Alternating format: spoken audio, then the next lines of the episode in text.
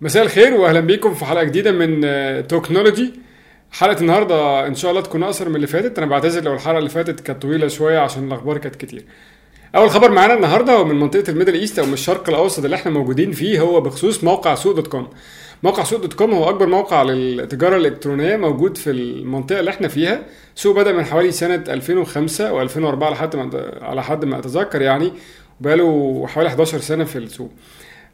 من من سنتين سوق قدر يجذب استثمارات بمبلغ 230 مليون دولار وكانت قيمة الشركة كلها حوالي مليار دولار. من شهر بالظبط سوق كان بيحاول يدور على حد يشتري أو يبدأ يعمل اكزيت أو يخرج خلاص من اللي هو فيه. وأمازون دوت كوم اللي هي أكبر موقع تجارة إلكترونية في العالم كله كانت حاطة عينيها على المنطقة وعايزة تشتريه وفضلوا في غالبا في كلام كتير بينهم لكن النهارده طلع قرار نهي الموضوع ده خالص.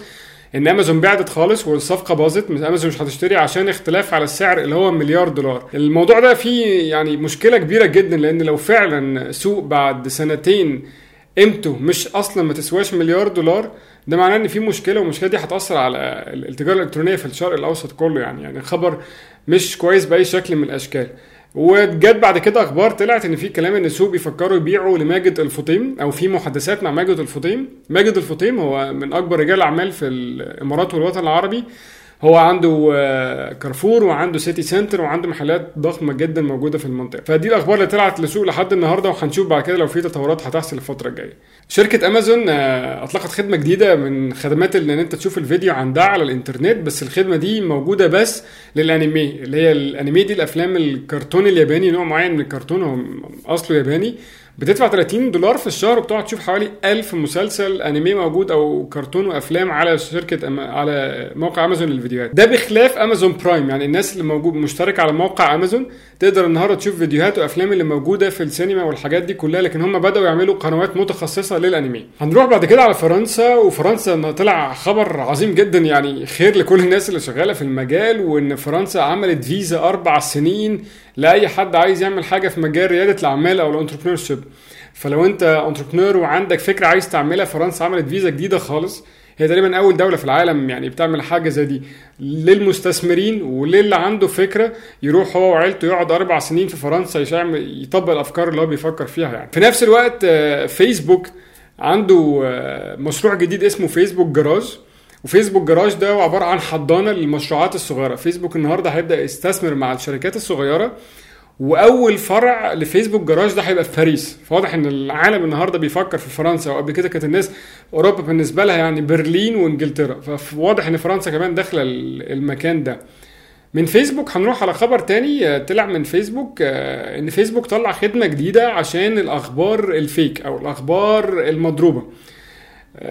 ودي مشكلة بتقابل فيسبوك في كل حتة في العالم إن الناس بتنشر أخبار مش كويسة أو أخبار ملهاش أي معنى من المصداقية والناس بتقعد تشير مما بيصير مشاكل كتير جدا. ففيسبوك النهارده بدأها الأول في أمريكا واشتغلت كويس طلعها الأسبوع ده في ألمانيا.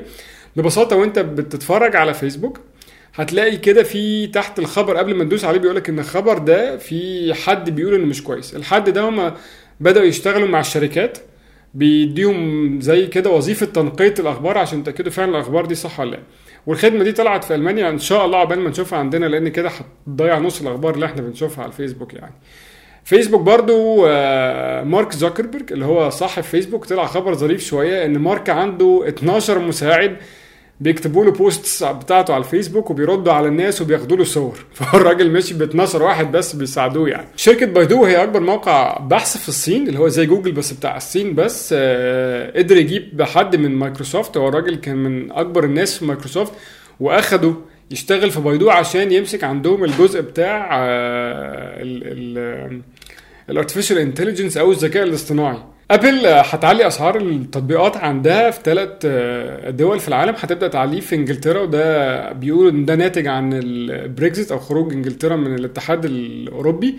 هيبقى أقل سعر هتعلي الأسعار حوالي 25% App Annie وهو موقع متخصص بتطبيقات المحمول. تمام؟ هو بيطلع يعني هو متخصص جدا بالاحصائيات عن تطبيقات المحمول طلع احصائيات جديدة ل 2016 السنة اللي فاتت بتقول إن عدد آه، تحميل تطبيقات المحمول زاد بحوالي 15% في 2016 عن 2015 بالإضافة لإن الوقت اللي الناس بدأت آه، تقضيه في استخدام تطبيقات المحمول زاد 25% الأرقام دي كبيرة جدا الأرقام دي بيقول إن الناس كلها تقريبا رايحة موبايل. وأخيرا إن أرباح المطورين البرامج بتاعة المحمول زادت 40% عن السنة اللي قبلها. الحلقة دي ما عندناش حاجة عن الأخبار العربيات اللي بتمشي لوحدها أو ال autonomous cars ولكن عندنا خبر غريب من شركة ايرباص وهي أكبر شركات تصنيع الطيارات في العالم. ايرباص قالت إن هي على آخر السنة دي 2017 هتطلع prototype أو نموذج مصغر لعربية بتطير. عربية دوبك تكفي نفر واحد وبتطير وبرضه autonomous يعني أنت بعد كده هتنزل تركب بقى إحنا مش عارفين هل هي هتبقى عربية بتطير ولا هي طيارة نفر واحد أو فرد واحد.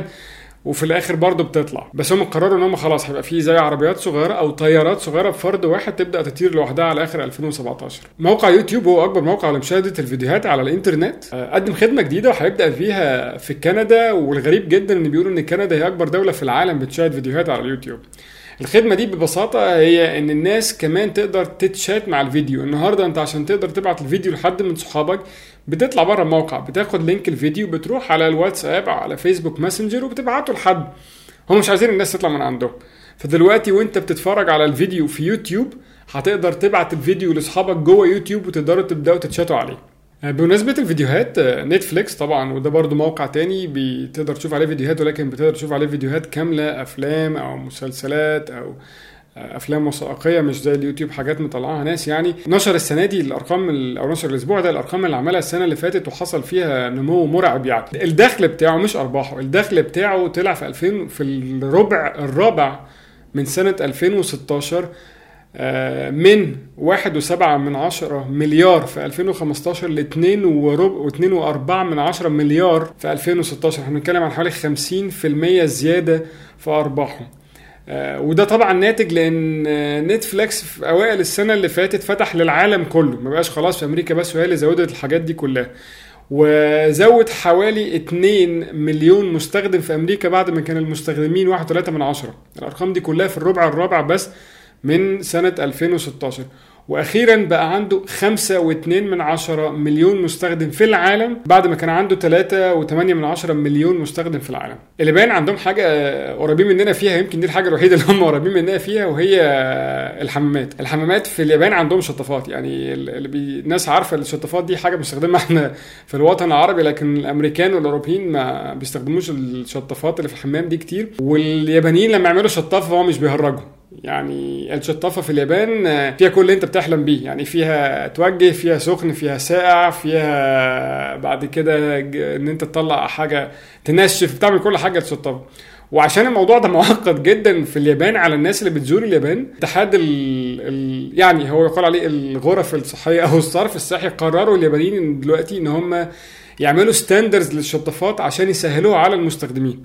الخبر طلع قالوا خلاص كلنا هنتفق إن محدش بقى يقعد يصعب موضوع الشطافات. هيبقى بعد كده في standards للشطافات في اليابان. Lyft و Lyft ده هو أكبر آه، منافس لأوبر في أمريكا. برضو طلع الأرقام بتاعته السنة اللي فاتت وفيها خسارة مرعبة. Lyft خسر في 2016 600 مليون دولار. وهنا إحنا مش عارفين هي بتقال على خسارة على الأرقام ولكن بتبص لها من وجهة نظر تانية وهي استثمار إن هو في 2016 600 مليون دولار من 412 مليون دولار في 2015 واضح إن المنافسة بتزيد جامد جدا بينه وبين أوبر واللي بيصرف أكتر آه، هو اللي يقدر يعمر. ولكن دي فيها خسارة مرعبة لكل الأطراف يعني. والدخل بتاعه زاد ل 700 مليون دولار برضه في 2016 من 200 مليون دولار في 2015 يعني هو خسر 600 بس قدر يعمل دخل 700 مليون دولار في 2016 شركة الطيران الإماراتية اللي هي Emirates Airways عملت اختراع كويس جدا جدا. عملت البطانيات بتاعت الدرجة السياحية اللي هي ال economy 100% آه، من الأزايز البلاستيك المعاد تصنيعها